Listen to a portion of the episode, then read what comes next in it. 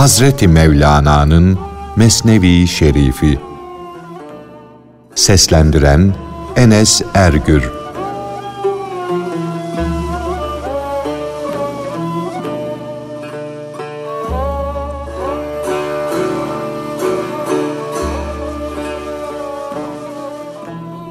Adem aleyhisselamın Rabbimiz kendimize zulmettik diyerek yaptığı yanlış hareketi kendi üstüne alışı, iblisin ise sen beni azdırdın diye suçu üstünden atışı.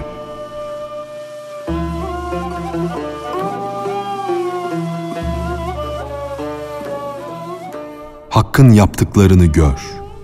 Bizim yaptıklarımızı da her ikisini gör de bizim de yaptıklarımız işler bulunduğunu bil. Ortada halkın yaptığı işler yoksa ve insanlarda yapma gücü bulunmuyorsa ve her şeyi hak yapıyorsa hiç kimseye bunu niye böyle yaptın deme. Allah'ın yaratışı, takdiri bizim işlerimizi meydana getiriyor. Bizim işlerimiz Hakk'ın yaratışının eserleri oluyor. Söz söyleyen kişi ya harfleri görür yahut manayı. Bir anda ikisini birden nasıl görebilir? İnsan konuşurken manayı düşünür. Manayı kastederse harfleri göremez. Bir göz bile bir anda hem önünü hem ardını nasıl görebilsin? Şunu iyi bil ki sen önünü gördüğün zaman ardını görebilir misin?'' Ey oğul! Allah her şeyi muhittir. Her şeyi kavrar. Bir işi yapması başka bir işi yapmasına engel olmaz. Şeytan Cenabı Hakk'a beni sen azdırdın dedi. Böylece o alçak kendi yaptığı işi gizledi, üstüne almadı. Hazreti Adem ise biz nefsimize zulmettik dedi. Fakat o Hakk'ın hikmetinden ve işinden bizim gibi habersiz değildi. O suçu işlerken kendisine güç verenin hak olduğunu bildiği halde edebi sebebiyle suçu haşa hakka yüklemedi. Kendi üstüne aldı da lütfa erişti. Tevbe ettikten sonra Allah Hazreti Adem'e dedi ki, senin işlediğin o suçu, uğradığın o mihnet ve kederleri ben takdir etmedim mi?'' başına gelen o kaza benim takdirimle değil miydi? Ne diye özür dilediğin vakit onu gizledin? Hazreti Adem dedi ki, korktum, edebi bırakmadım. Cenab-ı Hak da, işte ben de onun için seni bağışladım diye buyurdu. Kim hürmet ederse hürmet görür. Şeker getiren de badem helvası yer.'' Temiz şeyler kimler içindir? Temiz kişiler için. Sevgiliyi hoş tut. Hoşluk gör. incit, incin. Ey gönül, cebr ile ihtiyarı birbirinden ayırt etmek için bir örnek ver de cebr nedir, ihtiyar nedir bilesin, anlayasın. Hastalıktan, yaşlılıktan ötürü titreyen bir el var, bir de senin titrettiğin kendi elin var. Her iki hareketi de Allah yaratmıştır. Bunu böyle bil. Ama her iki titremeyi de birbiriyle kıyas etmeye imkan yoktur. Sen kendin isteyerek elini oynattığın, titrettiğin için pişman olabilirsin. Fakat eli titreyen bir yaşlının pişman olduğunu ne vakit gördün? Anlayışı kıt birisi de şu cebir ve ihtiyar meselesine yol bulsun, bu işi iyi anlasın diye söylediğimiz bu söz, bu bahis akli bir bahistir. Fakat bu hilekar akıl zaten akıl değildir ki. Akla dayanan, aklın anlayabileceği bahis inci de olsa, mercan da olsa cana ait bahis yine başkadır. Can bahsi başka bir makamın bahsidir.'' can şarabının kıvamı ve çeşnisi de bambaşkadır. Onu akıl ve his dimağı anlayamaz. Akıl bahsini, duygu bahsini sen bir eser yahut sebep bil. Can bahsi ise şaşılacak hem de pek şaşılacak bir bahistir. Ey aydınlanmak isteyen kişi! Can nuru parlayınca ne gereken kaldı ne de gerektiren, ne gideren kaldı ne de kalan. Çünkü gönül gözü açık olan birinin nuru parıl parıl parlarken onun kılavuza, sopaya benzeyen deliyle ihtiyacı kalmaz.''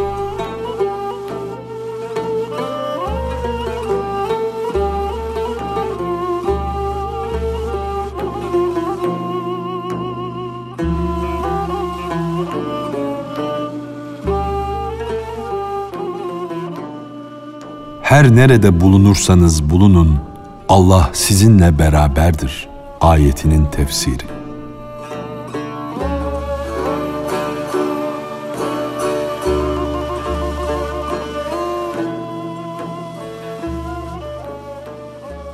Bilgisizlik yani Allah'ın bizimle beraber olduğunu bilmemek onun zindanıdır.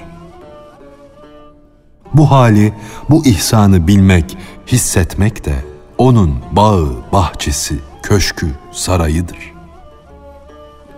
Uykuya varırsak onun aşkıyla kendimizden geçmişiz, onun mesti olmuşuzdur. Uyanık bulunursak onun yazdığı destanda bize verdiği rolü yaşarız. Eğer ağlarsak onun rızıklarla, bereketlerle dolu bulutuyuz. Gülersek onun parlak şimşeği oluruz. Kızar, hiddete kapılır, savaşa girersek bu onun kahrının aksi, celalinin tecellisi olur. Barışır, özür dilersek bu da onun sevgisinin açığa çıkışıdır, görüntüsüdür. Bu karma karışık olan dünyada biz kim oluyoruz? Biz birer gölge varlık, birer hiçten ibaretiz hiçbir harfle birleşmeyen, hiçbir nokta almayan elif gibiyiz. Bizden zuhur eden her hareket, her hal onun esma ve ilahi sıfatlarının tecellisidir. Kendinden uzaklaşıp kendinden kendi nefsani benliğinden kurtulup da bir diriye, kendinde bulunan ölümsüze bağlanan kişi ne mutlu bir kişidir. Yazıklar olsun o diriye ki ölü ile oturmuş, manen ölmüş, hayatını kaybetmiştir. Hulus ile, canla, başla Kur'an-ı Kerim okur, ona sığınırsan peygamberlerin ruhları ile aşinalık peyda edersin. Kur'an peygamberlerin halleridir. Onlar tertemiz, saf vahdet denizinin balıklarıdır. Kur'an okuduğun halde onun emirlerine uymazsan, Kur'an ahlakını yaşamaz isen, sana peygamberleri ve velileri görmenin ne faydası olur? Peygamberlerin Kur'an'da bulunan kıssalarını okur, Kur'an'ın emirlerini yaşarsan, can kuşuna ten kafesi dar gelmeye başlar. Kafesteki kuş, zindandaki mahpusa benzer.'' kurtulmayı istememesi onun bilgisizliğindendir. Kafeslerinden kurtulan ruhlar peygamberlerdir. Onlar hak ve hakikate erdikleri için insanlara yol göstermeye layık olmuşlardır. Onların sesleri kafeslerin dışından gelir, dinden duyulur. O ses senin için kurtuluş yolu ancak ten kafesinden kurtulma yoludur der.'' Biz bu daracık kafesten diri olan bir veliye bağlanarak dirildikte kurtulduk. O kafesten kurtulmanın bundan başka çaresi de yoktur. Kendini hasta, zayıf, düşkün göstermeye bak ki seni değersiz bulup şöhret halkasının dışına atsınlar. Çünkü halk arasında şöhret sahibi olmak insanı dünyaya öyle sağlamca bağlar ki bu bağ demir zincirden de beterdir.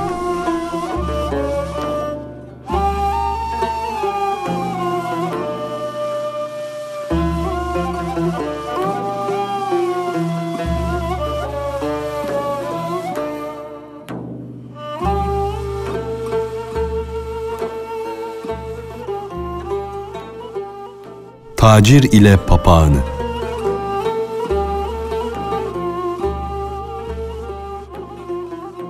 Ticaretle uğraşan bir adamın kafeste mahpus güzel bir papağanı vardı.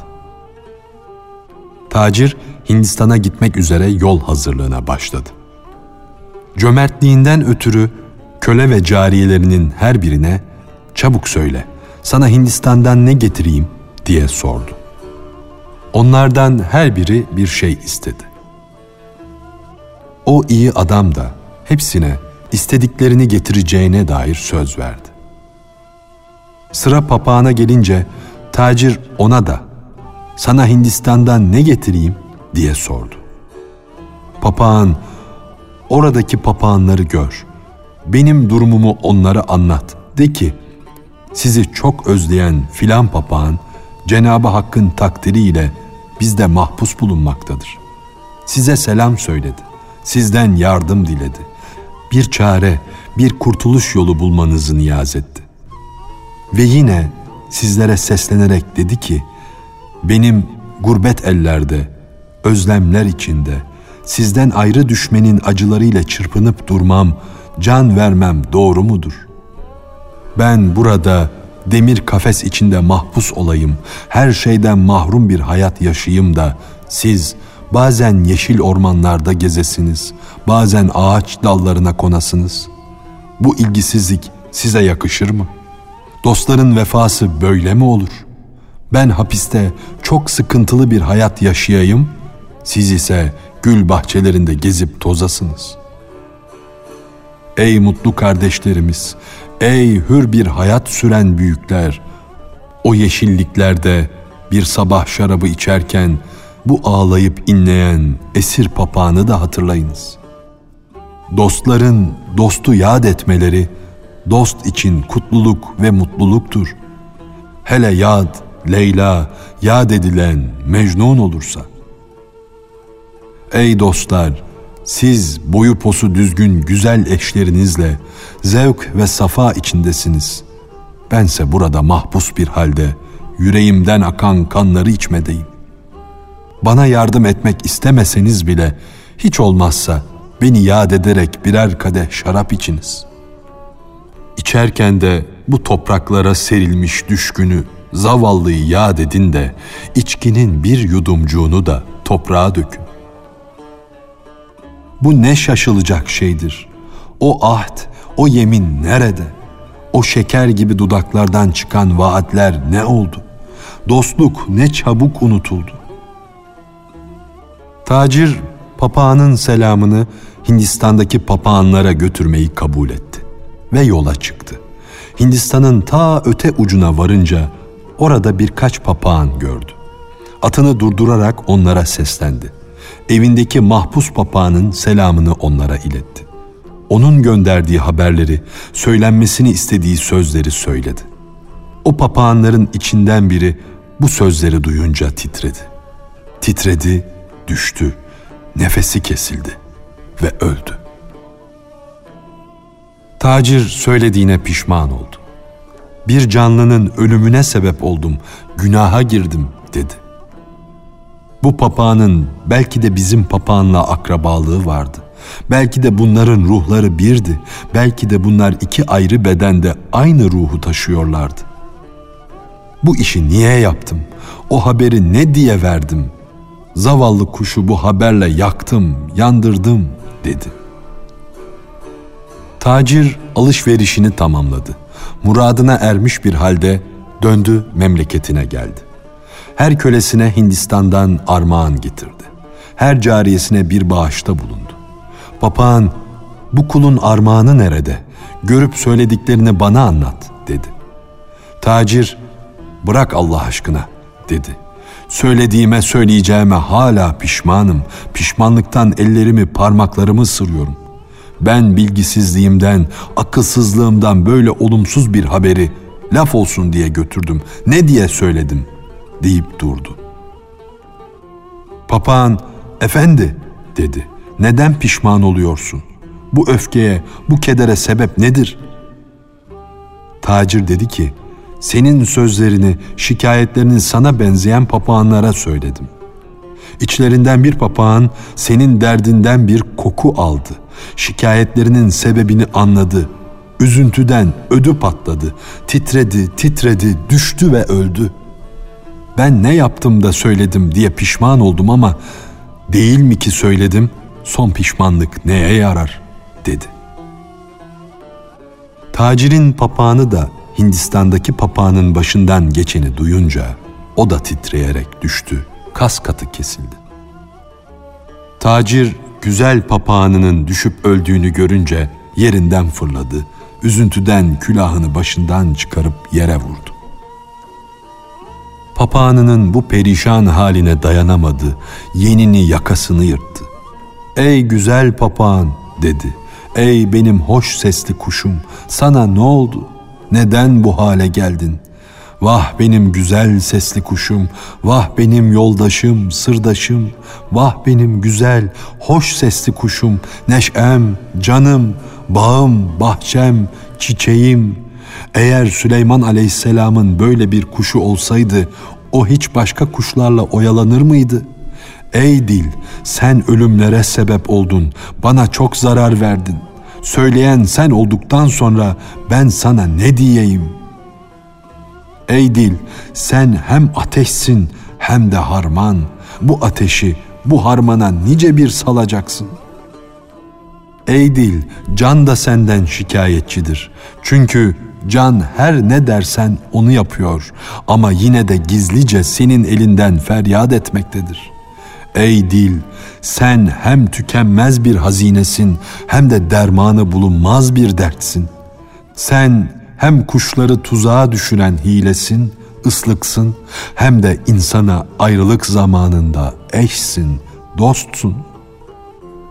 Tacir ateşler, dertler, feryatlar içinde bu çeşit yüzlerce darmadağın sözler söylüyordu. Kah birbirini tutmaz sözler söylüyor, kah nazlanıyor, kah yalvarıyor, kah gerçek sevgiden, kah mecazi aşktan bahsediyordu. Bundan sonra tacir papağanı kafesten çıkarıp attı. Papağan da hemen uçup yüksek bir dala kondu. Güneş tan yerinden nasıl doğu verir ve yükselirse, ölmüş papağan da öylece uçtu ve yükseldi. Tacir kuşun bu haline şaşırdı kaldı. Hiçbir şeyden haberi yok iken papağanın sırları beliri verdi. Başını yukarı kaldırdı da "Ey bülbül gibi güzel sesli olan papağan" dedi. Anlat da biz de bu manevi halden nasibimizi alalım. Biz de ne olduğunu bilelim.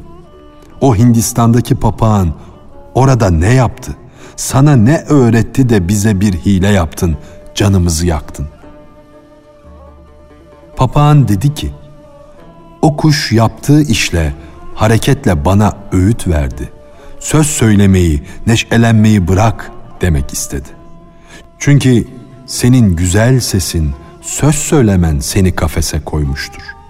Kurtulmak için kendini ölü gibi göstermesinin sebebi budur.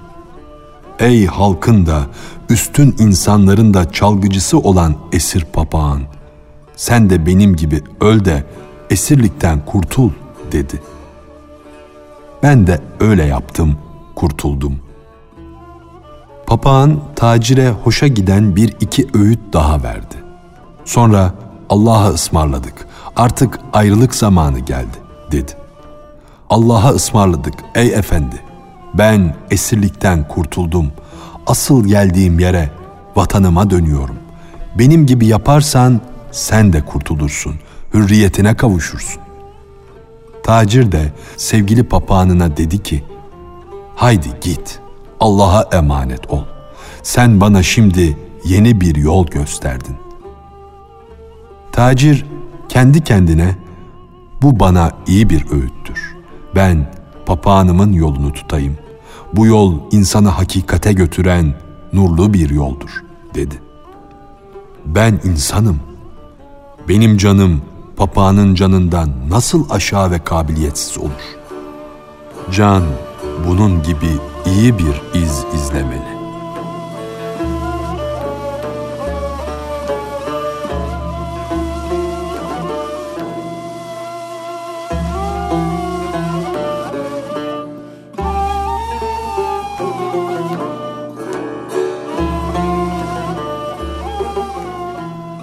İlahi akıl kuşlarının kanatlarının evsafı.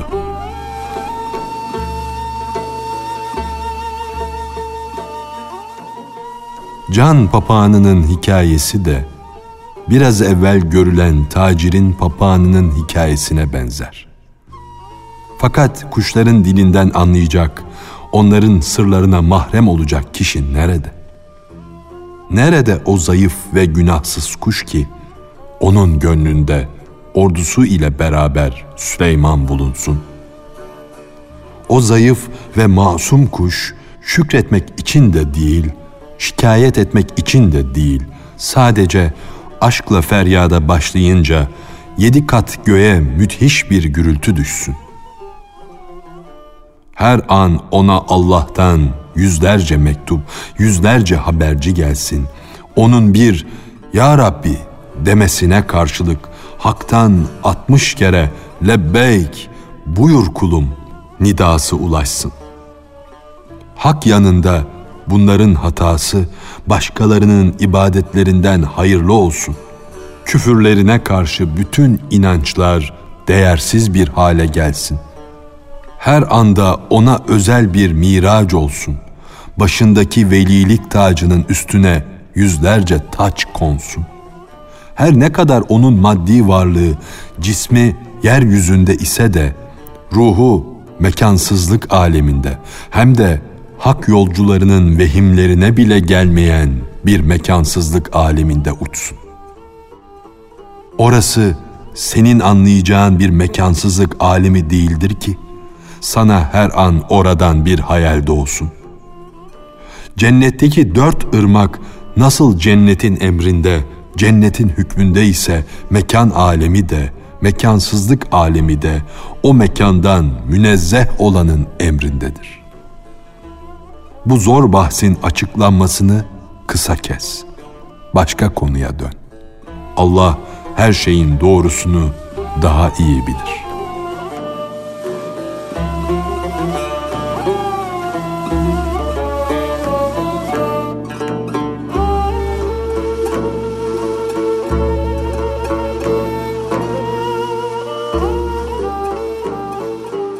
Hazreti Mevlana'nın Mesnevi Şerifi.